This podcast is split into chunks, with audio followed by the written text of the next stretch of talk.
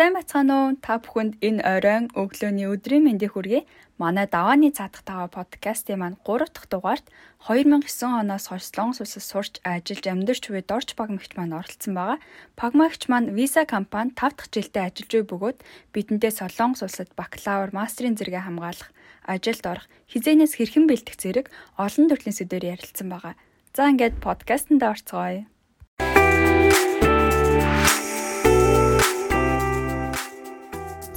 Тэгэхээр манай энэ удаагийн подкастт маань аа манай Пагма ихч оролцож байгаа. А тэгээ манай Пагма ихч өөрийгөө товчхон танилцуулбал. За а оюун дээрдээ баярлалаа. Тэгээд сайхан санаа ихлүүлээд үеийнхандаа болон адилхан ийм юу гэдгийг сонголтын өмнө зогсож байгаа олон оюутнуудад тэ тус тийм болохоор ийм сайхан санаа ихлүүлж байгаа юм байна. Тэгээд энэ дугаартаа бас урьж оролцуулж байгаа баярлалаа. Намайг Жагтлын дорч Пагм гэдэг. Пагма гэж ерөөхдөө дууддаг. Тэгээд би 2009 онд 12 дугаар ээлжийн оюутан болоод илүү сангийн тэтгэлгээр Солонгост очиж суралцсан байгаа. Тэгээ одоо манайх чинь хэддгээр ээлж очичоод байгаа лээ 23 Одоо бол Тийм манайх 21 байсан гэхээр одоо 23 дугаар ээлжнийхэн ирсэн. 24 дугаар ээлжнийхэн бол өнччөөд л байж. Аа за за тэгэхээр бид хэд очиж яхад л нэгдүгээр ээлжийн 2 3 дугаар ээлжийн самбайнаар гэл айгүй тийм том санагддаг байсан чинь бид хэдээс хойш дахиад бас 10 эдийн ээлж явцсан байгаа юм байна. Цаг хугацаа хурдан өнгөрч. Би болохоор Ива эмэгтэйчүүдийн их сургуульд бизнесийн удирдлагаар бакалаврт явж исэн. Аа тэгээд бакалаврт ерөнхийдөө Солонгос нэг давуу тал нь бакалавр хийхдээ нөгөө давхар мэрэгжил болон майнер буюу дабл гэж хоёр төрлийг хийж болдог шүү дээ. Тэгээд би даблыг энд мөс эдийн засгт би угаасаа эдийн засгаар сурч исэн учраас эдийн засгаараа давхар хийгээд тэгээд 13 онд төгссөн байгаа. Аа төгснөхийн дараа бол Солонгосын Career Development Institute гэж байдаг. Одоо манайхаар бол удирдлагын их тийм гэж хэлж болно. Илүү тийм нөгөө судалгаа research work хийдэг газар л та. А түүний Public Policy and Management гэдэг мастрын магистрийн сургууль байдаг. Тэнд бол public policy буюу илүү мэрэгсэн болохоор санхүүгээр мэрэгчиж төгссөн байгаа 14 онд. Тэгээ тэрнээс хойш одоо Солонгостоо ажиллаад хөдөлмөрлөөд явж байна да. Явчихондоо юм байна тийм солонгост амьдрал гэх юм бол За тэгэхээр та бакалавр болон мастрын а төгснөхийн дараа яг ямар ажил эрхэлсэн бэ? Аа. яг төгснөхийн дараа би яг хуу магистр хийж байхдаа хажуугаар нь Үри банк гэж байдаг шүү дээ Солонгос. Үри банкны салбарт хэсэг ажилладаг байсан. Аа тэгээд яг албан ёсоор төгсөөд диплома авсныхаа дараагаар болохоор тухайн үеийн хүн амын хөгжил нийгмийн хамгааллын яам гэж байсан юм манай нөгөө хөдөлмөрийн үеийн нийгмийн хамгааллын яам хоёрыг нийлүүлчихсэн. А түүний нийгмийн хамгааллын үйлчлэгээний төв гэдэг сөүлд байдаг. Хүмүүс мэдэх бах нөгөө түндэмөний нэг цэгийн үйлчлэгээний төв гэдэг байдаг шүү дээ. Тэрний яг шин давхарт нь байдаг. Тэнд болохоор даатгал санхүү хариуцсан мэрэгчлэлтнэр яг 14 онд орж исэн. Тэгээд жил гарan ажиллаад тэгээд одоогийн байгаа виза картынхаа ажил руу 15 оны ихээр шилжиж орж исэн байгаа. Аха. Тэгэхээр таны виза компанид ажилладаг ажлын нэг өдөр яг хэрхэн өнгөрдөг вэ? Нэг өдөр гээд тэгэхээр ерөөхдөө бизнес хөгжүүлэлтийн хэсэгт бол ажилладаг байгаа. Тим гэж ярьдаг шүү дээ бид нар. Тэгэхээр манайх бизнес хөгжүүлэлт гээл тэгэхээр ерөөхдөө тухайн үеийн одоо ямар бүтээгдэхүүн гаргах гэж байна, ямар ажендатай, ямар клиентуудтай ажиллаж байна гэдгээс аягүй их хамаардаг. Тухайн өдрийн скежүүл ерөөхдөө уулзалт юмнууд маань хамаарна гэсэн үг. Бас дээрэс нь удирдлын чанартай одоо санхүүгийн жил дуусах юм уу те эсвэл нэг удирдал дуусны дараа удирдлынхаа тайлан мэдээг нэгтгэгч гэдэг юм уу те иймэрхүү удирдлын хамааралтайгаар бас нэлээд ачаал ихсдэг ч гэдэг юм уу ингэж явдаг. Ерөнхийдөө бол дотоодын уулзалтууд юм уу эсвэл одоо шинэ бүтээгдэхүүн хөгжүүлэлт танилцуулж байгаа дотоодын бусад багуудын одоо танилцуулах хичээлүүд бас ихтэй байдаг. А тэд нарт бол оролцсон. Тэгээ дээрэс нь сая хэлсэн жишээлх юм бол 4 сар 7 сар 10 сар гэл улирлын тайлангууд дээр quarter ending хийж нэлээд их суудаг байгаа. Тэгээд ямар ажендатай ямар одоо бизнес кейс дээр ажиллаж байна түүнээсээ хамаарат бас бизнес кейсүүд дээр модельүүд дээр суuna. Аа дээрэс нь түрүүний хэлсэн одоо яг 9 сарын сүүл болж штэ. Тэгэхээр манайх нөгөө санхүүгийн жил маань 9 сарын 30-наар дуустдаг байхгүй. Тэгээ 10 сарын 1-ээс 21 он одоо манай дээр эхэлж байгаа. Тэгэхээр яг энэ энэ 7 хоног болон өмнөх 7 хоногудад ямар шүү байсан бэ гэхээр нэлээд ачаал ихтэй нөгөө year-end settlement-ууд ихтэй жилийнхаа эцсийн юмнуудыг дүгнээд өнгөрсөн жилээ ерөнхийдөө базаад энэ 7 хоногийн хэсэг гайгүй болоод байж гэн. А тэгсэн дараа 7 хоногийн эхнээс эхлээд өмнөх дараа жилийнхаа төлөвлөгөөнүүдийг бизнес плануудыг өгөөрэй гэж одоо шаардуулаад байж гэн да. Тэгээд бас өнөөдөр өчигдөр хоёр нэлээд их дотоодын сургалтуудад суулаа. Өчигдөр гэхэд 11-ээс 1-ийн хооронд гайгүй яг цай уух завтай. Түүнээс өглөө 8 хасаас эхлээд орой 6 хүртэл дүүрэн хичээлтэй байсан. Тэр нь юу вэ гэхээр эх жилийн манай одоо шинэ бүтээгдэхүүн хөгжүүлэлтийн төлөвлөгөө ямар байх юм те? Ямар roadmapтай ямар маркетаар яаж явах юм гэсэн дотоодын одоо төвөөс гэх юм уу? Тиймэрхүү чиглэл мэдээлэл юмнууд хөрвүүлээд бид нар байж байна. Тэгэхээр шинэ бүтээгдэхүүн хөгжүүлэлт одоо бизнес хөгжүүлэлт гэдэг та сая дурдсан яг яг энэний тухай та дэлгэрэнгүй танилцуулбал одоо бизнесээр ч юм уу одоо тантай адилхан мэрэгчлэлээр сурж байгаа хүмүүсийн хувьд бас сонирхолтой байж магадгүй. Аа. Ерөнхийдөө салбар болгон өөр ингэсэн онцлог онцлогтой шүү дээ. Тэгээд дээрээс нь яг уу бизнес хөгжүүлэлт буюу солонгосоор бол Yongop гэж хэлдэг штеп. Одоо нөгөө sales талыг хийн гэсэн үг тий.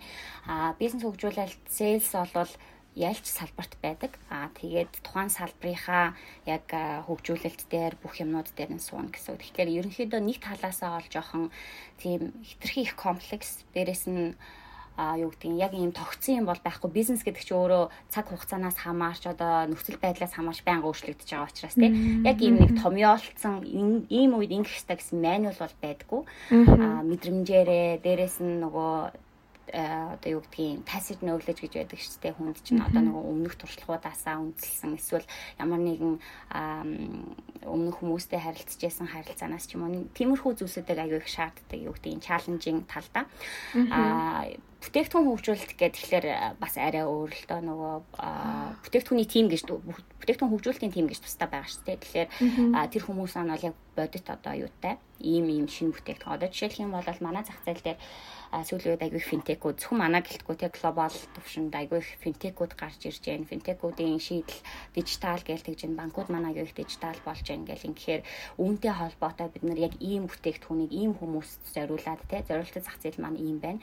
Тэгээд тэдний хугацаанд гаргана гэсэн юм тодорхой зүйлсүүдтэй байгаад ирэхээр бид нар тэрийг нь одоо зах зээл дээр яг буулгахын тулд клиентуудтайгаа ажиллаад дотоод хүмүүстэйгээ ажиллаад эцсийн маркет лончийг хийгээд хүмүүстэй end user буюу одоо хэрэглэгчтэй танилцуулаад тэгээд тэгээ явах ингээд бүх ажлуудыг хамтарч хийдэг гэсэн үг байхгүй юу? Аа. За тэгэхээр нэлээд тийм өргөн агуулгатай яг хоо тэр тундаасаа хүмүүс одоо мэдж байгаа ах нөгөө бакалавр магистр гэл бизнес удирдлага байгаа шүү дээ. Бизнес удирдлагчин дотроо нэлээд олон төрөлтэй менежмент байх юм уу, маркетинг байх юм уу гэл явдаг. А манайх бол юу гэдгийг илүү payment industry буюу төлбөрт тооцоо санхүүгийн байгууллагуудтай хамтарч ажилладаг тэр тал руугаа гэхдээ а бас юу гэдгийг зөвхөн маркетинг хийдэг ч юм уу те зөвхөн менежмент хийдэг бол тийм биш. Ерөнхий бүх юмнуудыг бас шаарддаг. Олон төрлийн soft skill-үүдийг шаарддаг гэсэн. Аа. За тэгэхээр та одоо ажиллаж байгаа газрыг сонгох болсон шалтгаан нь юу байсан бэ? Тэгээд таны сонголтод нөлөөлсөн яг хүчин зүйлс нь юу байсан бэ? Аа би нөгөө төрийн албанд ажиллаж исэн гэсэн үг шүү дээ тий ийш орохынхаа гараа дөнгөж төгсөн оюутны ширээнээс гараад гэсэн үг. Төрийн албанд ажиллаад жил гарan болоод яг уу санхүү бол миний сонирхол байсан. А даатгалын салбар бол надаа бас жоохон шин талдаа тий яг энэ нарийн миний талаар бол мэдэхгүй. Тэгээд ерөнхийдөө юу гэж харсан бэ гэхлээр өөрийгөө жоохон сорж үзье гэж бодсон. Тэгээд нэлээд тийм шин салбар руу одоо нэг тийм ийм амар хурдтай явдаг тийм нэг салбар байдаг шүү дээ. Ингээл айгүй хурдан спидтэй ингэж явдаг тийм салбарт сорж үзье гэж бодсон. Дээрэс нь яг ингээд глобал төвшөнд бизнес negotiation-ууд ч юм уу те бизнесийн хэлцлүүд эсвэл одоо ийм operation-ууд ч юм уу ерөөхдөө яаж явдгийг айгүй их сонирхдаг байсан л да. Тэгээд аа ерөөхдөө айгүй олон төрлийн тийм эрэл хайгуулын үндсэнд гэх юм уу? Эрэл хайгуулын эцэст виза картта орж ажиллах болсон нь бол айгүй бас нэг талын азтай гэж боддог. Яагаад гэх юм бол одоо байгаа манай байгууллагын бодлого болон тэгээд юу гэдгийг вишн тий алсын хараа бүх зүйлсүүд миний хувийн зан чанар онцлогтой аягүй сайн тохирдог гэж боддог. Тэр ч утгаараа нэлээд бас олон жил одоо болчлоо. Тэгээ цаашдаа ч гэсэн бас ажиллах бодолтойгаа. Дээрэс нь нөгөө сонгох болсон хамгийн бас нөлөөлсөн юм гэх юм бол жоох инээдтэй байж магадгүй. Би ярилцлаганд ороод манай vice president надад аягүй гоё хүн санагцсан. Тэгээд ярилцаж үзээд ерөөхдөө тухайн хүний нөгөө байгаа байдал ярьж байгаа зүйлстэй. Тэгээд би түүнээс асуулт асууж ирсэн. Та яагаад энэ компани ингэж ажиллаж байгаа юм бэ? Энэ компаниг сонгоолсон шалтгаан чи юу юм бэ? Яагаад одоо ингэж удаан байж гин гэд тэгсэн өгж байгаа хариултууд те одоо ийм ерөнхийдөө ажилдаг тийм зарчим гэх юм уу нэг хүний тийм юу харагддаг шүү дээ. Тэр айгүй надаа ойрхон санагдаад гоё санагдаад ягаад ч юм би энд орох хэвээр байна гэж яг тэр үед л бодчихсон. Тэрнээс өмнө бол яг яах вэ би өөх хэвээр ингээд явж ий гэж юмнуудаа явж исэн болохоос яг тэр үед за энэ яг газар бүм байна гэж бодогдчихсон. Аа. Тэгэхээр таны яг ажилдаа ханддаг зарчим гэх юм уу? Яг ажлын тань зарчим яг юу вэ? Ажлын зарчим уу? Мэрэгжлийн байх. Аа сурах. Тэгээд ерөнхийдөө нээлттэй хүмүүстэй харилцаагаа чөлөөтэй илэрхийлээд авч явах бол хамгийн чухал юм болов гэж үздэг. Аа. За тэгэхээр одоо та яг виза компанид хэддэг жилдээ ажиллаж байна. Тэгээд таны ажлын давуу болон сул тал нь яг юу гэж боддог вэ? Аа. Сая яг 20 оны 2 сард 5 жилийн гээд юунаас Асиог бас баярын карта авсан. Тэгээд одоо 6 дахь жилдээ ажиллаж байна. Аа суултаал гэх юм бол түрүүний хэлсэн яг го бизнес хөгжүүлэлт зөвхөн манайх биш л байх л та ерөнхийдөө бизнес хөгжүүлэлт гэдэг өөрөө нэлээд чаленжинг байдаг. Ялангуяа нөгөө солонгост гэх юм бол манайхан мэдчихэж магадгүй Yongob гэж хэлж байгаа шүү дээ. Yongob-ыг бол нэг эмэгтэй хүмүүсийг хийдгүү. Аа жоохон эрэгтэй хүмүүсийн одоо нөгөө хүүсээр ялгарлах гэдэг юм уу те тэр тал бас нэлийн харагддаг ажлын нэг. Аа дээрэс нь бас нэг сул гэх юм уу эсвэл бас тухайн хүнийг бас чадахжуулдаг нэг тал гэх юм уу. Нэлийн олон тийм стейкхолдеруудтай харьцдаг ажил. Одоо юу гэдгийг дотоодын болон гадагшаага тий одоо зах зээлийн эсвэл клиентуудтай гэд бүхэл одоо ийм хариуцсан хүмүүстэй communication үүсгэж relationship үүсгэж түүн дээрээ үндэслэж юмнуудаа явуулах хэрэгтэй байдаг, ойлголцох хэрэгтэй байдаг тийм байгаа. А сул болон давуу гэж аль аль нь болохоор зүйл нь юу вэ гэхлээр айгүй комплекс түрүүний хэлсэн те. Яг юм тогтсон одоо том ёч гэдэг юм уу тогтсон мануал гэж бол байхгүй их комплекс байдаг. Тэр нь нэг талаараа тухайн хүнд суралцах илүү хөгжиж дэвших боломжийг олгож олно. Нөгөө талаараа хэцүү байж болно те. А ялангуяа анхлан дөнгөж орж байгаа жуниор хүмүүст бол би өөрөө бас аюу их тэгж мэдэрчээсэн болохоор хэцүү. А хэрвээ жоох ингээ ажлынхаа очрыг олоод дүүтэй болоод ирэх юм бол эсрэгээр нөгөөх нь аюу тийм сонирхолтой гоё болж ирдэг санагцсан. А тэгээд дээрэс нь салбар болон бүтээгдэхүүнүүд нь аюу хурдан өөрчлөгддөг Одоо жишээлх юм бол ковидаас болоод дижитал пеймент буюу те одоо e-commerce ямар хурдтай хөгжиж үү? Үүнтэй холбоотойгоор ямар бизнесүүд гарч ирж үү гэх ингээд ерөөсө хэдхэн сарын дотор маш том өөрчлөлтүүд бий болж байгаа байхгүй юу? Энэ давуу боломж бол аль аль тал нь байж болох бах. А давуу талын хувьд гэх юм бол саяны бас хэлсэнтэй уялдаад ажлаас уйдна гэсэн нэг ойлголт одоогор бол гарахгүй юм л да. Гэх юм бол жил болгон өөр хүмүүстэй холбогдож ажилладаг, жил болгон төлөвлөгөө гаргахад өөр бүтээгдэхүүн хөгжүүлэлт янз бүрийн зүйлсээр ажиллан шин санаан дээр ажиллана гэсэн үг тийм. Тэгээд байнгын тийм болохоор шинэ зүйлс гарч ирдэг. Тэгээд дээрэс нь салбартаа манлайлагч гэдэг утгаараа нэлээд салбарын инсайтууд ихтэй, мэдээллүүд ихтэй бүх юмнуудыг ингэж урьдчилан мэдээлэл авах боломжтой байдгаараа бас аягүй сонирхолтой. Аа Тэгэхээр ерөнхийдөө бол дэлхийд даяар одоо юу гэдгийг те аль нэг бүс нутагт юу болж гэнэ үү гэдэг нь бол мэдээллийн урсгал бол хангалттай их байж идэг. Харин тэрэнд алинд нь зориулж ямар цаг заваа гаргах вэ гэдэг л амар чухал санагддаг. Надад бол яг дандаа өөр өөр төрлийн прожекттэй өөр өөр төрлийн одоо зүйлүүд дээр ажилладаг гэдэг нь маш их таалагдлаа. Яг бас интерншип хийгээд үтсэн чинь болохоор яг хүмүүс нь өдөр болгон яг адилхан юмыг давтаж хийдэг юм шиг харагдадсан. Тэгээ таны ажлын хувьд бол маш гоё сонирхолтой санагдчихэв. Надад ч ихсэн. Аха. За тэгэхээр а яг тантай адилхан мэрэгчлээ монголчуудын хувьд Солонгост ажиллах боломж нь яг хэр байдаг гэж та хардаг вэ? Аа. А хүн одоо солонгосч гэлтгүй те монгол хүн болвол дэлхийн хаанч ажиллах боломжтой л гэж хардаг шүү дээ би бол. Тэгээд хамгийн гол нь яг хуу тухайн маркетинг онцлог те одоо солонгос солонгос Япон бол Япон а зүүмд Аз бол зүүмд Аз гэдэг юм уу онцлог бол байдаг байх. А тэрийг бол үүсэхгүй. Гэхдээ а ямар нэгэн байдлаар тухайн хүн өөрийн гэсэн давуу талуудтай байгаад одоо тухайн байгууллагт өөр хин нэгэн чамаас өөр одоо A гэж хүн байгаад гэхэд A гэсэн хүнээс өөр хүн оруулах боломжгүй тийм unique contribution-ыг оруулах боломжтой л байх юм бол чамайг тэр хүн одоо тэр байгууллага авч ажилуулах хэрэгтэй байхгүй юу? Аа. Тэгэхээр тэр өөрийн гэсэн давуу тал дээрээс нь тэр байгууллагт би ямар хувь нэмэр үзүүлж чадах вэ гэдгээл яг тодорхой байх юм бол заавалчгүй. Одоо ерөөхдөө ингээл ковидаас өмнө уулна. Ковидаас болоод жоохон тэгээд байгаа болохоос дэлхий чинь хавтгай болоод удажлаа штэ тий. Ерөөхдөө хаанаас ч ажил хийсэн, хинтээж холбогдсон, ямар ч тийм аюугүй хязгааргүй болчлаа. Тэгэхээр бүрэн боломжтой л гэж харж байгаа. Одоо юуны захиурын хүндэд ч тэр Солонгосоос хоёр дахь захиурын хүндээ болно гэсэн бас нэлийн том амбицтай тийм нөгөө IT-ийн салбар нэлийн том явж байгаа. Харж байхад манай залуучууд их ажиллаж байна. Аягүй мундаг байна. Тэгээ дээрэс нь ерөнхийдөө харж байхад бол Солонгос гэлтгүй бусад орны хүмүүсээс дутаад юм уу хоцроод байх юм бол ерөөсөө байхгүй л байгаа юм л да. Аа. За тэгэхээр таны ажилд орох бэлтгэлийн үйл явцыг ямар байсан бэ? Тэгээд хэр удаан бэлдсэн бэ? Тэгээд бас одоо тусгайлан анхаарах зүйл яг байсан уу? Аа. За ноён дарыг 3 дугаар курсынхаа 2 дугаар семестр гэд хэлсэн чи яг 12 он гэдэг чи одоо бараг 8 жил өнгөрсөн. Тэгсэн мөртлөө яг тухайн үеийн бараг ингээд мэдрэмж надад ирж байгаа байхгүй юу? Яг ямар мэдрэгдэжсэн гэдэг мэдрэмж. Тэгээд ерөнхийдөө би бол тэгж амар эрт бэлдэж болж чадаагүй.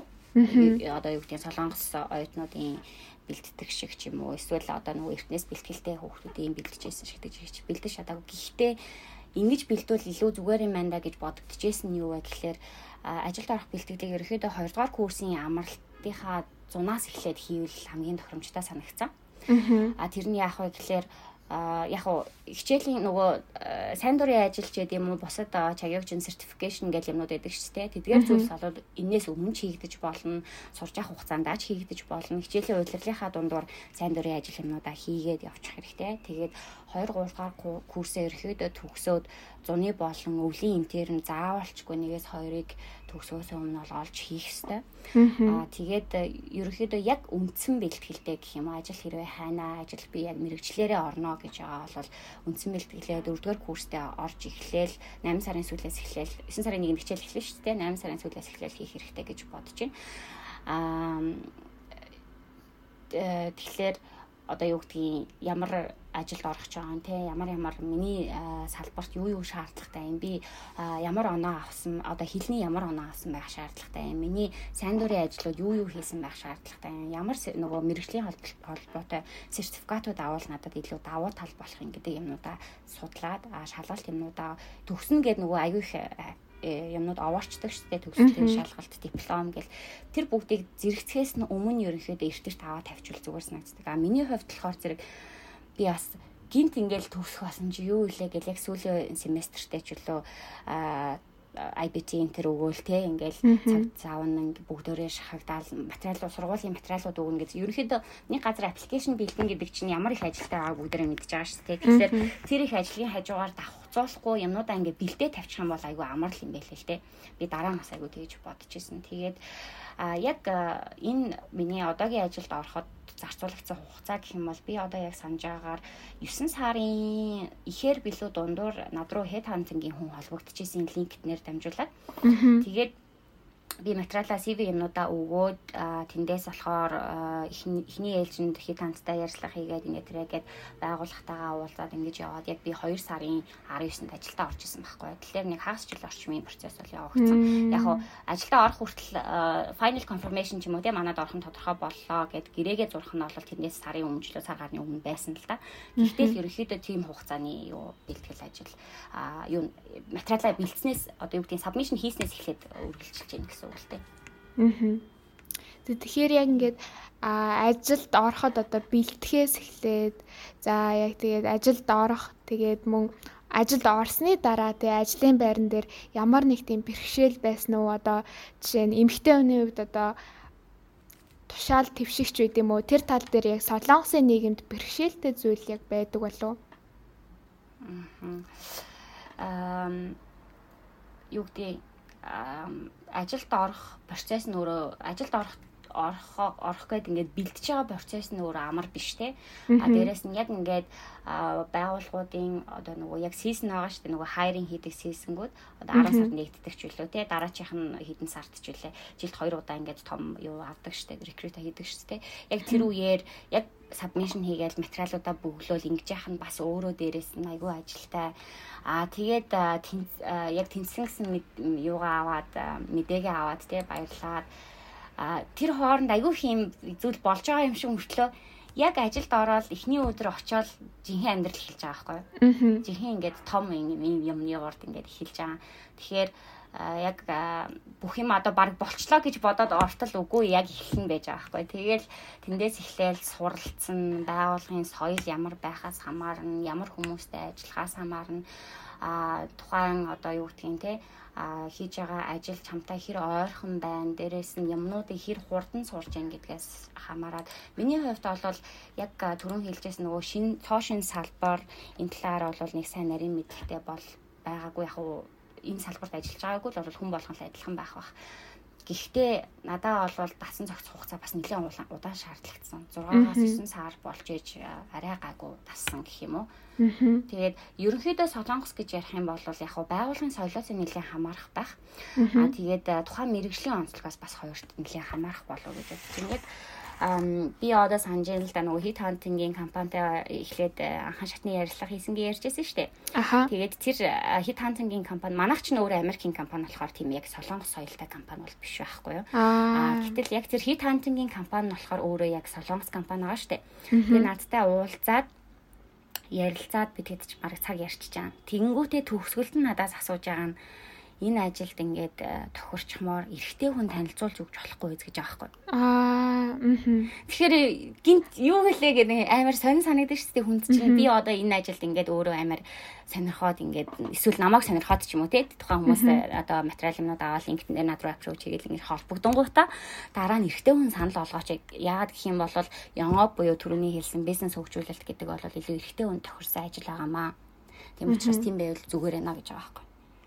Тэгэхээр яг ямар нэгэн байдлаар солонгосын нийгэм Аз шиг юм уу те өөртөө тэрнээсээ илүү бид нар шинчлэгдэж гэн ингэж ингээд прогресс гарч байгаа боловч стил одоо тиймэрхүү үзэл баримталтай газруу зөндөө байна тиймэрхүү хандлагууд бол зөндөө байгаа.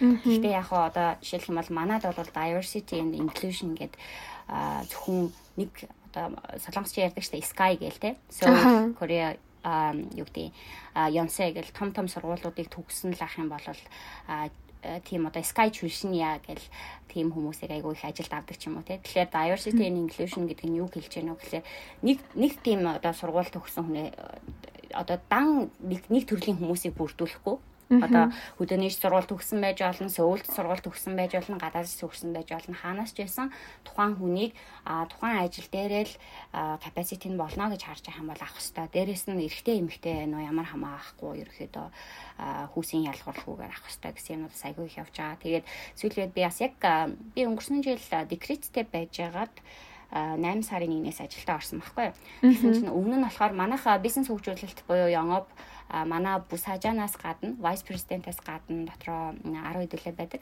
А тэг би ганцаараа эмэгтэй байдаг гэсэн баггүй. Тэгээд декретээ авчаад амарчаад эргээд ороод ирсэн чинь манад 2 3 эмэгтэй ажилт нэмэгдсэн байсан. Тэг амар баярлсан. Тэгэхээр нэлийн прогресс явуулаад дээрэс нь HR-ийн бодлого дээрээ ч гэсэндээ тий одоо ядаж нэг 48% ч юм уу эсвэл 50% одоо female recruit хийх хэрэгтэй ч гэдэг юм ба тиймэрхүү тарагт тавиад явж байгаа бас байгаа. А гэтэл яг цэвэр солонгос соёлтой ч юм уу тиймэрхүү газрууд боллоо хэр өөрчлөгдөж байгааг бол сайн хэлж мэдэхгүй л байна л да. Аа. За тэгэхээр 3 дугаар курс дараад ирсэн чинь бас яг одоо үргэлжлүүлээд сурах уу аль эсвэл ажилд орох уу гэсэн яг юм том шийдвэр ихэнх хүмүүс тулгардаг. А таны хувьд яг энэ үедээ яаж шийдвэрээ гаргаж байсан бэ? Тэгээд хүүбэ нартаа ямар зөвлөгөө өгөх вэ? Аа. Яг уу тухайн үеийн миний бодож байсан зүйлс юмнууд одоогийнхаас арай жоохон өөр л дөө. Аа.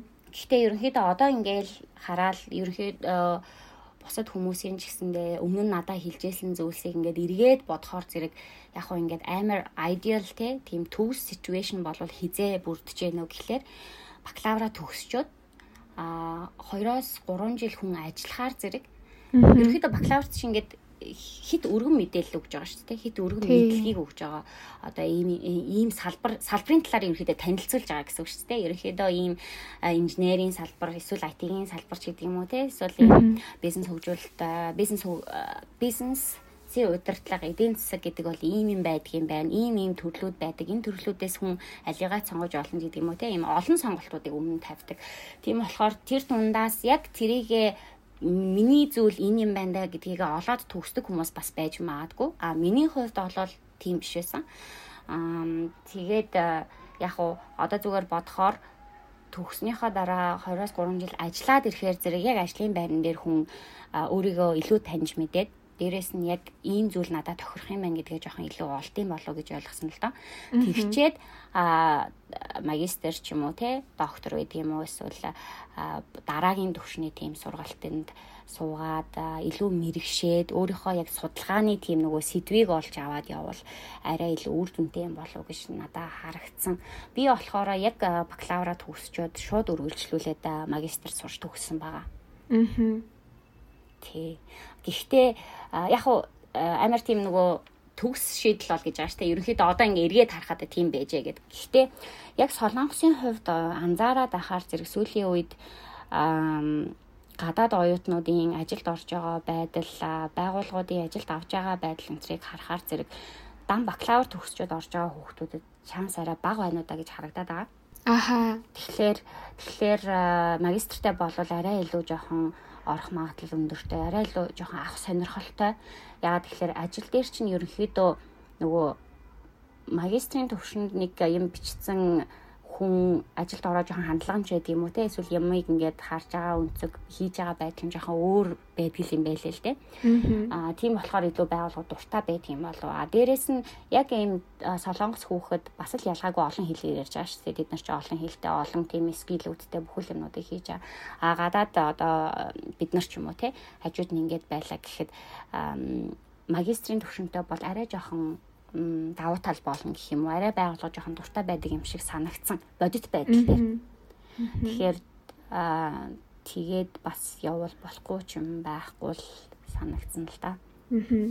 Аа та мастрын зэрэгээ хийхдээ одоо сургуулаа сонгохдоо яг юугийн чухалчилж үзсэн бэ? Одоо зарим оюутнууд бол сургуулаасаа илүү профессороо судалж үздэг ч гэдэм үү? Яг та яг юуг нь илүү чухалчилсан бэ? Миний хувьд би жоохон мэрэгчлээ илүү харсан. Аа.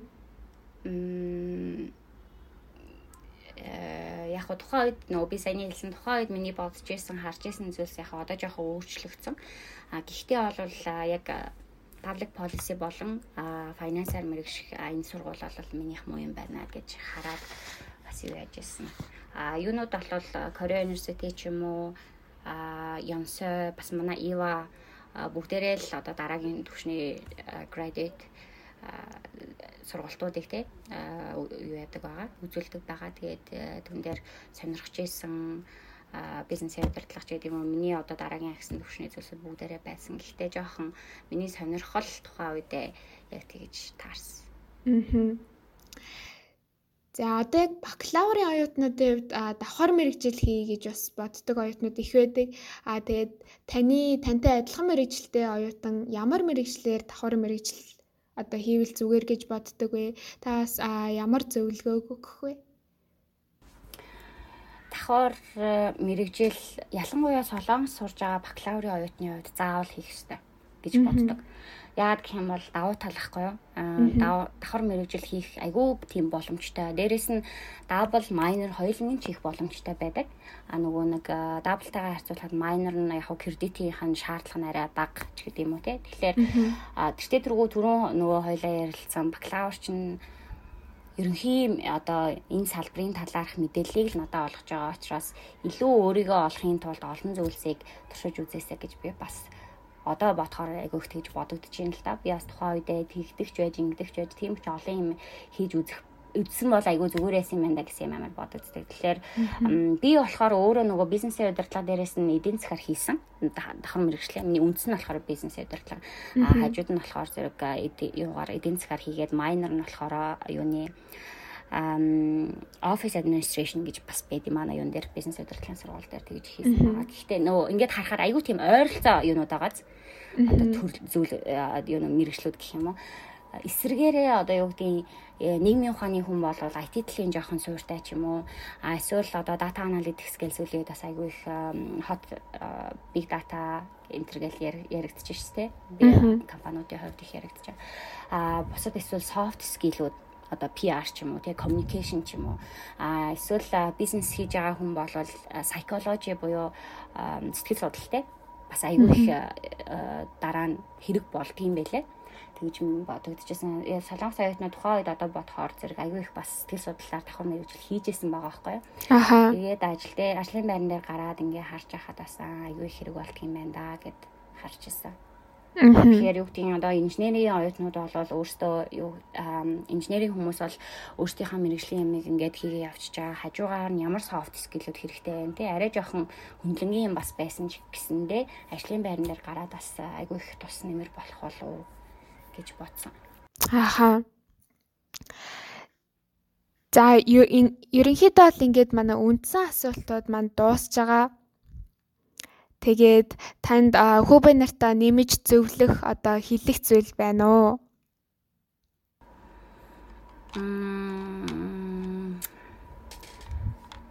Зүйл зөвлөх зүйл. Аа яг уу яг ингээд бодохоор зэрэг бид нар чинь нөгөө тэтгэлгээ мейнтейн өргөжлүүлэхийн тулд GPA өндөр байх ёстой, тэгэх ёстой гэл нөгөө академик шаардлагууд айгүй өндөр байдаг шүү дээ. Тэгэхээр кампусаас гаднах амьдралыг нэг их экспириенс хийж амжихгүйгээр дуусах а тийм юу айгүй их байдаг. За бакалаврын оюутнууд бол 4 жил болохоор арай гайгүй магадгүй. Магистрийн оюутнууд бол ялангуяа 2 жил ингээл юу болоод өнгөрсөн мэдтгүү ингэж өнгөрөх тохиолдлууд их байдаг юм шиг санагддаг. А хэцүү амар бол биш. А юу гэдэг тайм менежмент юмнуудаа бол сайн хийх хэрэгтэй. Гэхдээ нийгмийн ажил ч юм уу те давхар тийм а одоо нөгөө өөр хүмүүстэй. Одоо бид нар чинь нэг л төрлийн хүмүүстэйгээ холбогддог харилцдаг гэсэн үг байхгүй юу? Тий одоо жишээлх юм бол ойр дотны найзууд ч гэдэг юм уу а ерөөхдөө өөртөө ойрхон хүрээллийнхэн гэх юм бол нэг л төрлийн хүмүүстэй харьцаад а тэр тэр зүйлээрээ ертөнцийг ерөөхдөө хардаг тэр зүйлээрээ ингээд ойлгодог гэсэн үг. Тэгэхээр жоохон нөгөө нэг өрөөсгөл талтай болох гээд байдаг юм шиг санагцсан. А тэгээ би болохоор оюутан байхдаа нөгөө манайх чинь солонгост суралцагчдын смох байдаг шүү дээ. Смохт тий нийгмийн ажил нэлээд хийж исэн. А тийм тухайн үедээ бол хамгийн хэцүү юм нь яадаг вэ гэхээр хаврын баяр болохоор дундын шалгалттай давхцаад шинэ жил болохоор зэрэг яг юутай эцсийн шалгалттай final exam-уудтай давхцаад. Хичээлүү смах уу хичээлүү смах уу? Тэр чинь нөгөө сайн дурын ажил шүү дээ тэгээ дээрэс нь ямар нэгэн одоо юу гэдгийг сертификат янз бүрийн юм ч юм уу тийм зүйл биш. Цэвэр одоо өөрийнхөө сонирхлын үндсэн дээр хийж байгаа учраас энийг хийх нь зүүч гэж бодогдох тохиолдол нөгөө сонголтын хооронд ингээ гацчихж гин гэсэн үг байхгүй. Тийм тохиолдлууд аягүй их байсан. Гэхдээ одоо бас эргээд харахаар зэрэг түүнээс амар маш их зүйл сурсан байгаа юу сурсан бэ гэхээр нийгмийн харилцаа сурсан байгаа юм. Үйл ажиллагаа хэрхэн зохион байгуулах уу те багаар хэрхэн ажиллах уу ямар олон төрлийн хүмүүстэй харилцаж сурсан байгаа. Тэгээд хүнийг бас таньж сурах айгүй тийм боломжууд олгож исэн байхгүй. Тэгээд хэцүү ч үе байсан, сайхан ч үе байсан, хэцүү үеийг хамтдаа дуулаад дараа нь бүгдээрээ хамтдаа сайхан баярлаад ингээхлээр зэрэг гоё хамт олонтой болдог, насан туршийн найзуудтай болдог, сайхан самбай нартай айгүй их танилцдаг. Тэгэнгүүт тэр хүмүүсээс одоо нөгөө нэтворкинг үүсгэхийн чухал ач холбогдол гэж ярьдаг шүү дээ. Яг гоо тэр нь болохоор ингээл бүр нэг бүр юу гэдэг чинь залхахтал ингээ ярьсан байдаг болохоор хүмүүс аа за нөгөө л нэг юм а ярьж ин гэж нэг тоохгүй болцсон байдаг. Гэхдээ ерөнхийдөө яг бодит байдал дээр аягүй их хэрэг болдог юм шиг санагдсан. Аа юу гэдгийг олон салбарын хүмүүстэй ялангуяа самбай нартайгаа ингээд тэр чин альбом бусаар те ингээл байнгын зөвлөгөө мэдээлэл авах боломжтой. Одоо ингэж яах вэ? Одоо тэгж яах вэ? Солонгост амьдрал гээл тэгэхээр чи ерөнхийдөө гадаад сурч боловсрч байгаа, дээрээс нь амьдарч байгаа хүмүүс бол өөрийн их орондоо биш учраас мэдгүй чадахгүй юм байнга гарна шүү дээ. Алхам тутамд л мэдгүй юм гарна. Одоо интернетээ яах вэ гэдэг юм уу? Тим юм а яах вэ? Ийм юмныхаа гэрээг яах вэ гэдэг юм уу? Ядаж өдөр тутмын амьдралаас ахуулаад тийм зүйлсэд дээр аягүй их тус нэмэр болж исэн. Бас эргээд хүмүүстэй бас тус нэмэр олцоод ингээд харилцсан юу гэдгийг дэм болоод явж байхад айгүй зүгээр дараа нь бас ажлын байран дээр ч гэсэндээ амьдрал дээр ч гэсэндээ аюу хэрэг болдог санагддаг. Аа дээрэс нь түрүүний нөгөө олон төрлийн зүйл туршиж үзээсэй гэж боддөг нь яг уу би бас өөрийнхөө хувьд ч гэсэн төсөөлж байна л да. GTA унчих байхаа хоёрын оронд тэгснээс чаддаг юм а хийгээл гайгүй дөнгөө авч гэдэг юм. Би бас айгүй тэгж боддог байсан. Тэгээд ажилд ороход чинь бас чухал үзүүлэлттэй нэг дээ. Ялангуяа солонгост бол өндөр голчтой байх хэвээр тийм тийм шаардлагуудтай байх хэвээр. Гэт яг хуу тэр нь чухал. Гэхдээ л яг тухайн үедээ ингээд олон төрлийн зүйл туршаад ингээд үзсэн болвол айгүй их юу гэдгийг айгүй их зүйл сураад айгүй их зүйл өөрчлөгдөх байж тэгээ одоо тэгтээ бас нөгөө хожимдохгүй гэдэг шиг янз янзын юм ажлынхаа хажуугаар сурах гад хийх гээл үзэл явж байна л та. Нэг нь болохоор одоо спортын төрөл ч гэдэг юм уу те. Тэгээ оюуны хөдөлмөр хийдэг хүмүүс учраас ямар нэгэн байдлаар юуны биеийн хүчний болон одоо ментал янз бүрийн эрүүл мэндийн асуудлууд үүсэхгүйгээр ажиллаа одоо юутай үр бүтээлтэй хийхийн тулд гэл янз янзын байдлаар янз янзын зүйлсийг сонирхож байна. Тэгэхээр амар нөгөө нэг өнөөдөр таад анзаарсан уугүй юу? KFC-ийн нөгөө үлэн бай гэдэг нэг маркетинг яваад энд айгүй их шуум болоод байгаа шүү дээ тий. Аха. Яг тэрний нөгөө stay hungry л байгаа байхгүй ерөнхийдөө бол Тэгэл гэхдээ нөгөө хүн аймаар их ингээд хичээлтэй аймаар хэмтэй одоо тэрийг яна тэр чинь нэг нөгөө нэг бодлын тодорхойгүй одоо төгсөөд гарч ийн гэдэг чинь яагаад төгсөлтийн хямрал гэж байна вэ гэхэлэр чинь тодорхойгүй зүйл байгаа учраас хүн чинь яхаа мэдгүй ингээд сандарч байгаа шүү дээ. Тэгэхээр тийм нөхцөлд дээрэс нь өөрөө ингээд дахиад шин шин юм хийх амаргүй л дээ. Гэхдээ л ямар ч байсан би энийг хийснээрээ надаа ингэж одоо юу гэдгийг те би гэсэн хүнийг дараагийн төвшөнд аваа чинь би илүү өөрийгөө ойлгодог болно гэдэг. Олон төрөл зүйл хийснээрээ гол нь өөрийгөө таних процессоо л арай жоохон хурцсах юм болов гэж бодсон. Аа. Би ч гэсэн одоо ажиллаа хийнгээ одоо хүмүүстэй харьцангаа өөрийгөө бас ингээл таньж мэдэх гээл олохгүй л яг бодит тий би мөн үү биш үү гээл ингээл уншаад ч юм уу эсвэл одоо ингээл бодоод ч юм уу янз бүрийн байдлаар явж л байна л да. Аа. Тэгэхээр а 20 эдэн наснда яг нөгөө оюутан байх үедээ бас тэгээд явбал илүү цаг хожоод те дараа нь 30 хүрсэн байлаа гэхэд шал өөр төвшний хүн байх юм билүү. Аха. Тэгэхээр яг та карьерийн хувьд юм уу ажил мэрэгжлийн хувьд яг өөрийнхөө дуртай салбарыг яг яаж олсон бэ? Яг яаж яг би энэ салбарт дуртай юм байна гэдгээ мэдэж авсан бэ? Миний бодлоор тэр амар хэцүү хаа. Аа харин тийм. Одоо ерөнхийдөө м сурж байгаа хүмүүс битгийхэл одоо сурж байгаа оюутнууд битгийхэл яг ажил дээр гараад хүмүүс ажиллаж агаад насаараа ажиллаад юу ямар хэцүү юм бэ минийх биш бэ гэж байгаа тохиолдол ч айгүй олон байгаа шүү дээ. Аха. Тэгэхээр яг уу нөгөө бусад хүмүүсийн туршлагаас эсвэл бусад хүмүүсийн самбонорын ярианаас ном сэтгүүлээс ч гэдэг юм уу те харах нь бол болно. Аа мэдээлэл авч болно, шорткат хийж болно. Гэхдээ хүн өөрөө тэр замаар явж үзчихээж хүн өөрөө яг experience хийж үзчихээж л мөн бишээ гэмэздэг юм шиг санагцсан. Аа. Тийм. Тэгээд би болохоор ингэж боддог байсан байхгүй. Одоо ингээл яг төгслөө тий дөрөвдүгээр курс төгслөө. Төгсөөд би хаана ажилд орох вэ? Би өстө олигтойхон шиг гоё л газар орохгүй бол одоо ингээл насаараа ажиллана гэсэн. Би одоо ингээл орчих юм бол өөр газар сольж болохгүй болохгүй гэл. Аюу тийм сонирн бодолтой байсан байгаа байхгүй. Одоо яг хуу солонгос стил байж магадгүй л тий. А би яг ингээд төгснөхийн дараа амар тийм ideal ажиллаа олох хэвээр гэсэн тийм нөгөө ийм нэг өнцөгт одоо ингээд гацчаад байна шүү дээ тий. А гэтэл тийм биш хүн болвол ямар нэгэн байдлаар тис хөндлөн ажил ол хийж болохгүй л дээ. Мэргэжлийнхаа ямар нэгэн байдлаар холбоотой ямиг хийх ёстой. А тэрийгэ хийж яагаад хүн тэр дундаасаа бас өөрийгөө олж аваад өөр зүйл сонирхож явах юм бол бас болохгүй гэх газаргүй байхгүй. Тэгэхээр хийж үзээл аль болох одоо янз янзын зүйлсийг хийж үзээл мөн байна биш байна гэж явах хэрэгтэй юм болвол гэж бодож байна тийм. Зөв. За тэгэхээр А дараагийн асуулт маань а та таны мэрэгчлэлтэй холбоотой сүүлийн үеийн одоо сонин сайхныг ямар сонин сэтгүүлээс авах боломжтой байдаг вэ? Аа. Яг уу мэрэгчлэлтэй холбоотой гэхэлэр бизнес эдийн засгийн салбар л болчихж байгаа юм л да. Тэгээд аа түнтэй холбоотой юу гэдгийг олон улс гэх юм бол Financial Times гэдэг юм уу, Wall Street Journal гэдэг юм уу, CNN-ийн мэдээч байдаг юм уу те. Мэдээ юмнуудыг авч болно. Солонгосын бас юунуудаа байгаа штэ сайтууд байгаа. Дээрээс нь Жусоны илбүүч гэдэг юм уу те. Herald Kionjech гэдэг юм уу, эдийн засгийн болон бизнесийн талаар гардаг юунууд сонингууд олон сэтгүүлүүдийг бас харуул айгу зүгээр байдаг. Гэхдээ яг уу өглөө ажлаа эхлэхээс өмнө 20 минут ч юм уу ингээд мэдээ скрин дээр харах юмсан гэж амар боддог.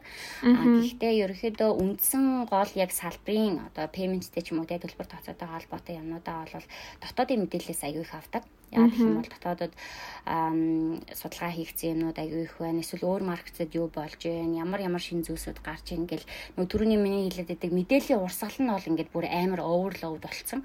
А тэр дундаас хизээ надаа ямар мэдээлэл хэрэгтэй тэрэнд яаж цаг зарцуулах вэ гэдэг л амар чухал болцсон л юм шиг санагдаад байгаа юм л да сүүлийн үед болол. Тийм тэгэхээр одоо зөвхөн манай салбар гэлтгүй бизнес эдийн цаг энэ энэ төлөвтэй холбоотой хүмүүс бол бүгдээрээ л эднэрийг харж байгаа байх. Одоо заавалчгүй юу вебсайт ороод авах шаардлага байхгүй аппликейшн юмнууд байж гин тэ нотификейшн байнга ирж гин хувьцаа дэгжээний нэтрэж гэдэг юм уу тэ Америк сэтгэлээ одоо эдийн засгийн байдал ингэж ингээл баах нотификейшн юмнуудаа харчвал шаардлагатай байх юм бол орж дэлгэрэнгүй гэнэ уншдаг ч юм уу тэ. Аха. Тиймэрхүү байдалтай дотоодын судалгаа юмнууд бас аягүй их хардаг. Аа. Тэгэхээр бас мэрэгжлийн ном сэтгүүлээс гадна ер нь танд маш их хэрэг болж исэн ямар ном байсан бэ? Аа. Ам ямар ном гэхлээр би 17 оны ихэр шиг санагдаад байна. Grit гэд яг нөгөө бестселлер болоод өнгөж гарч яхад нь уншижсэн байхгүй юу? Аа. Тийм. Яг тухайн үед би ерөөсөө тийм юу гэдэг фитнес ч гэдэг юм уу те дасгал хөдөлгөөн юмнууд хийдгүү зөвхөн ажил сургууль гэж явдаг байжгаад фитнест явж эхлээд бас удаагүй байсан. Тэгээд дөнгөж одоо шиний юм эхлүүлээд нөгөөтгөндөө ингээд тууштай байгаад ингэж явна гэдэг чинь бас амаргүй байд юм байлээ л те. Тэгээд яаж яваар гэж тэгэхээр за за болчдөг ч юм уу за ашиг ашиг гэл нөгөө эсвэл ярал тайм гараад ирлээ. За өнөөдрийнхийг болчихж гэдэг юм иймэрхүү нөгөө шалтак амирх монддгоо. Тэгээ яг тэр номыг уншиж яхад яагаад тууштай байх хэрэгтэй нэг зүйл дээр яаж төвлөрөх ёстой юм гэдэг юм уу. Яг тухайн үед би бүр амар их юм авч ирсэн айгу санаад идэв. Ааха. Тэгээд грид дараа нь 2-7 хоногийн дараа ч илүү солонгос хэл дээр хэвлэгдээд гарсан байгаа харагдчихсан. Тэгээд би ойр тойрныхоо найзуудад аягүй их санал болгож ирсэн санаж байна. Аа дээрэс нь сүүлд өнгөрсөн жил юм уу тэрний өмнөх жил Atomic Habits гэдэг айгүйх бас солонгостоос нэлээд бестселлер болсон. Аа тэрний өмнө болохоор Power of Habit гэдэг ерөнхийдөө нөгөө юм хөвшил өдөр тутмын жижиг зүйлсүүдийг яаж юм байнгын өөрийнхөө нэг хэсэг болгох вэ гэж тэр тал дээр би нэг 2 3 жил нэг хэсэг бодохгүй юу. Тэгээд тэрнтэй холбоотой юмнуудаа бас айгүйх уншижсэн тэр айгүй хэрэгтэй санагдсан. Аа юуны түрэн нөгөө өөрийгөө хэрхэн олох вэ, өөрийгөө таних вэ гэд тэгжсэн дээр бас 16 онд ч үлээ уншижсэн юм а. Хунжаа энэ шиганэ хим гэд ганцаараа байх одоо цагийн тийм одоо хүч гэдэг юм уу те.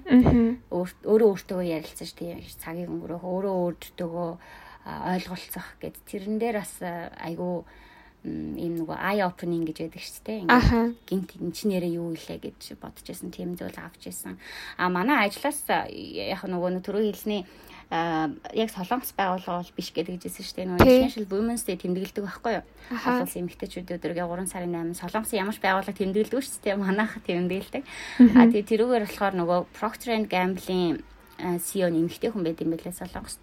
Тэгээ тэр хүн ирээд манай дээр guest speaker раар ирээд аха.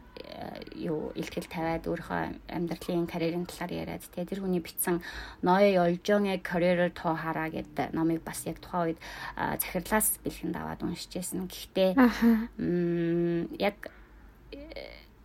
хүүхдтэй бол болоогүй байсан. Гэхдээ одоо цаашдаа яах вэ? Их үү? Гэр бүл төлөвлөлт эмэгтэй хүн гэл нөгөө нэг адилхан л юм дилемманууд байгаа шүү дээ. Тэрэнд айгүй бас юм чи чаднаа, аль алийг болгоно гэсэн тийм амар хүч авч ирсэн санагдчихэв. Тэгээ сүүлийн үед би бас айгүй сонирхолтой гэж бодогдоод байгаа зүйл нь юу вэ гэхээр тэрнээс өмнө болохоор одоо юу гэдэг чинь те илүү өөрөө өөрийгөө олох эсвэл нөгөө personal developmentтэй холбоотой ч юм уу тиймэрхүү номнуудыг их уншдаг байсан юм шиг.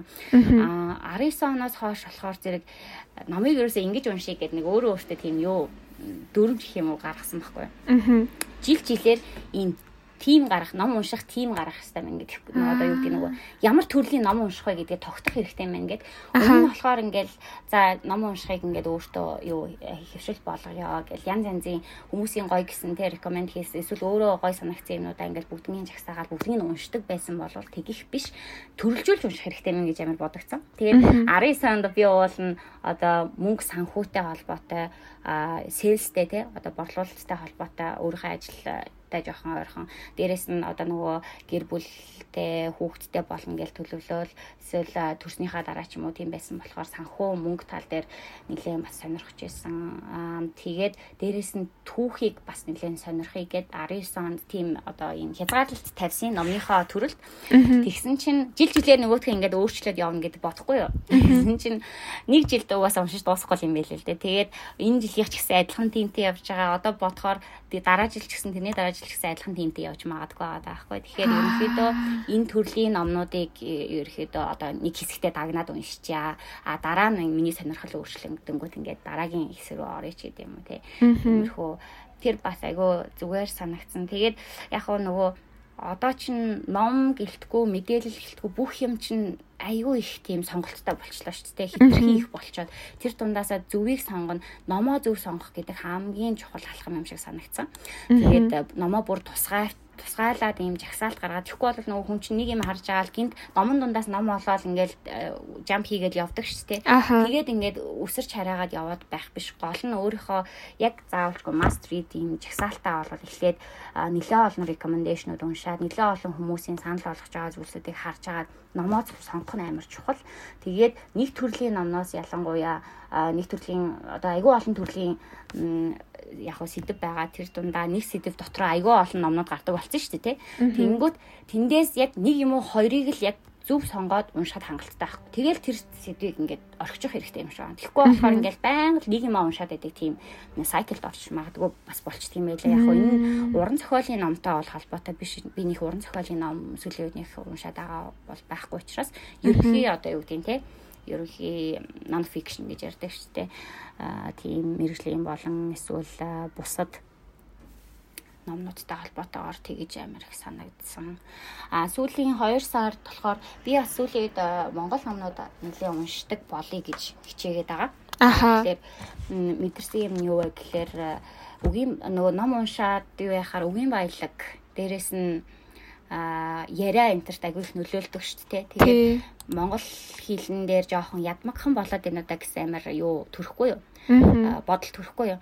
Тэгээд ерөнхийдөө Монгол номнууд аягүй их унших хэрэгтэй байна гэдэг. Тэгээ сүүлийн 2 сар болохоор ганцаараа захирлын гаргасан менежментийн психологийг эхлүүлсэн байгаа. Тэгээ арай бас дуусаагүй энэ онцлог нь юу вэ гэхээр яг одоо юу гэдгийг Харвардын ч гэдэм үү те бусад бизнесийн сургуулиудын менежментийн сурагчид бол зөндөө байгаа штэ.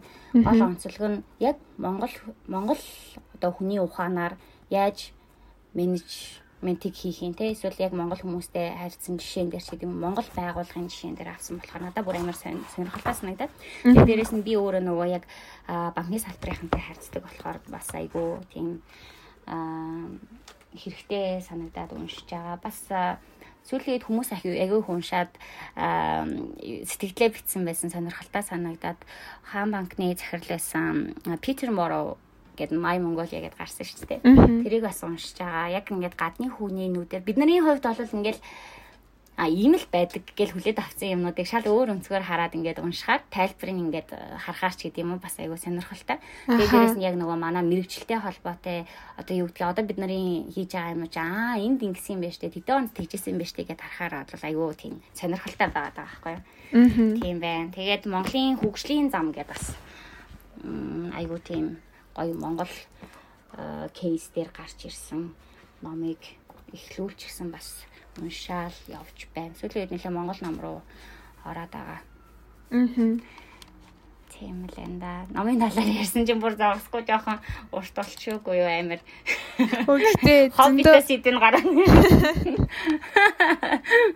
Та ер нь номыг яг 7 хоногт нэг ном ч юм уу яг тиймэрхүү байдлаар уншдаг уу? Аа харин тий хүмүүс болохоор амар тэгдэм байлээ л дээ. Би болохоор эхлээд ингэсэн. Эхлээд яг дөнгөж эхэлж байхдаа За сард нэг ном уншиж гэдэг юм уу тий 2 сард нэг ном уншиж гэдэг ингээд яг ингээд тэр сар тийм юм ингээд оноогоо тавьсан байж байгаа. Сүүлдээ за гайгүй сардаа нэг уншчих юм байна. Эсвэл сардаа хоёрыг уншчих юм байна гэд. Аа одоо болохоор нэг амар тийм юм бол байхгүй. Бараг нэлээд ол нэг зэрэг эхлүүлчихдэг. Тэгээ одоо лагер дээр нэг ном байдаг ч юм уу тий аспин цанаар очиод уншчихдаг. Аа эсвэл юунд аа хаяада одоо кондишнээс хамаарат нэг уншмаар санагддаг шүү дээ. Тэгээд бүгднийг жоохон зэрэг явах тийм жоохон талтай болчиход. Өмнө нь э, хиний баавар гоон билүү? Хиний илээ нөгөө өрөө олох нэг ном тавьчаад уншдаг гэдгийг би нэг уншижсэн байхгүй. Ямар сони ингэ боддог байсан чинь.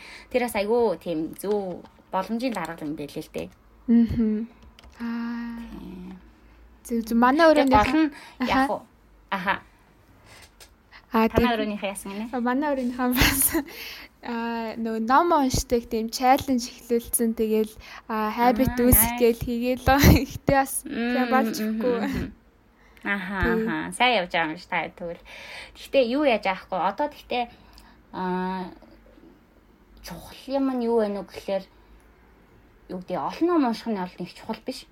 А ном дуусгах нь өөрөө бас чухал биш А тэр дотроос чамд юу хэрэг чи юг хайж тэр номыг сонгосон? Яагаад сонгосон?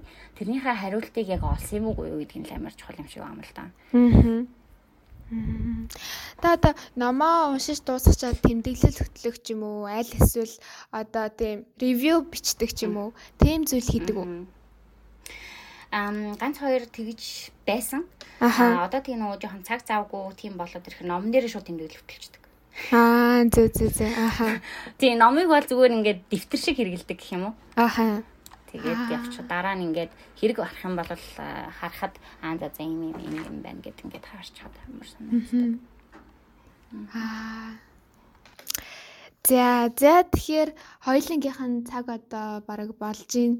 Тэгээд маш их завгүй ажлынхаа дундуур бид хоёрын урилгыг аваад тэгээд үнэхээр удаан хугацааны дорш сэтгэл гаргаад ярилцаж ирсэн пагмагчдээ үнэхээр их баярлалаа. Тайлтаас маш их баярлалаа урьж оролцуулсанд. Тэгээд надад бол гоё юм яа тэгэхээр ингээд хүмүүсийн бас одоо тий бид нарын үед байснаас ямар өөрчлөлт гарсан, ямар шуу байгаа юм сонсоод дээрээс нь юу бодож байгаа ярилцаад ингээр гоё байлаа. Тэгээ завгүй ямар ч завгүй хүн ерөнхийдөө цаг зав бол гардаггүй гаргадаг гэж шүү дээ. Тэгэхээр юунд гарах хэвээр энэ хараад гарах хэвээр юмуд айл гаргаал явж явах хэвээр. Тэгээд хичээл сургуулийн өндөр амжилт төсөй ямар ч шийдвэр гаргасан ам юу гэдгийг өөрөө өөртөө сайн ярилцаарай. Аа тэгээд аа юу гэдгийг энэ бол миний л амьдрал а миний өмнөөс хин нэгэн шийдвэр гаргахгүй байх ёстой. Яагаад гэвэл тэрний хариуг би өөрөө үүрч явах учраас тий одоо юу гэдгийг ямар нэгэн баяртай зүйл болсон ч гонигтай зүйл болсон ч тэрийг бол би өөрөө хариуцна. Тийм болохоор өөрөө өөрийнхөө яг бодлоор яг хүмүүсээс бол зүйл юмуд сонсож болно. Гол нь өөрөө өөртөө үнэнж байгаад аа цаашийнх нь цаашдынх нь юу гэдэг те бүх зүйлс нь амжилт төсөй. Гэхдээ ирээдүй бол өргөж гоё гэгээтэй байдаг шүү дээ. Аа. Окей. Маш их баярлалаа. Үнэхээр гоё сонирхолтой ярилцлага болж өнгөрлөө. Тэгэд би хэдийтэс өөр мэрэгжилтэй ч гэсэн үнэхээр гоё гоё зүйлүүдийг сонсож авлаа. Тэгээд Сомбеда ажил амьдралд нь бас амжилт хүсье. За баярлалаа. Та хоёртай танилцъя.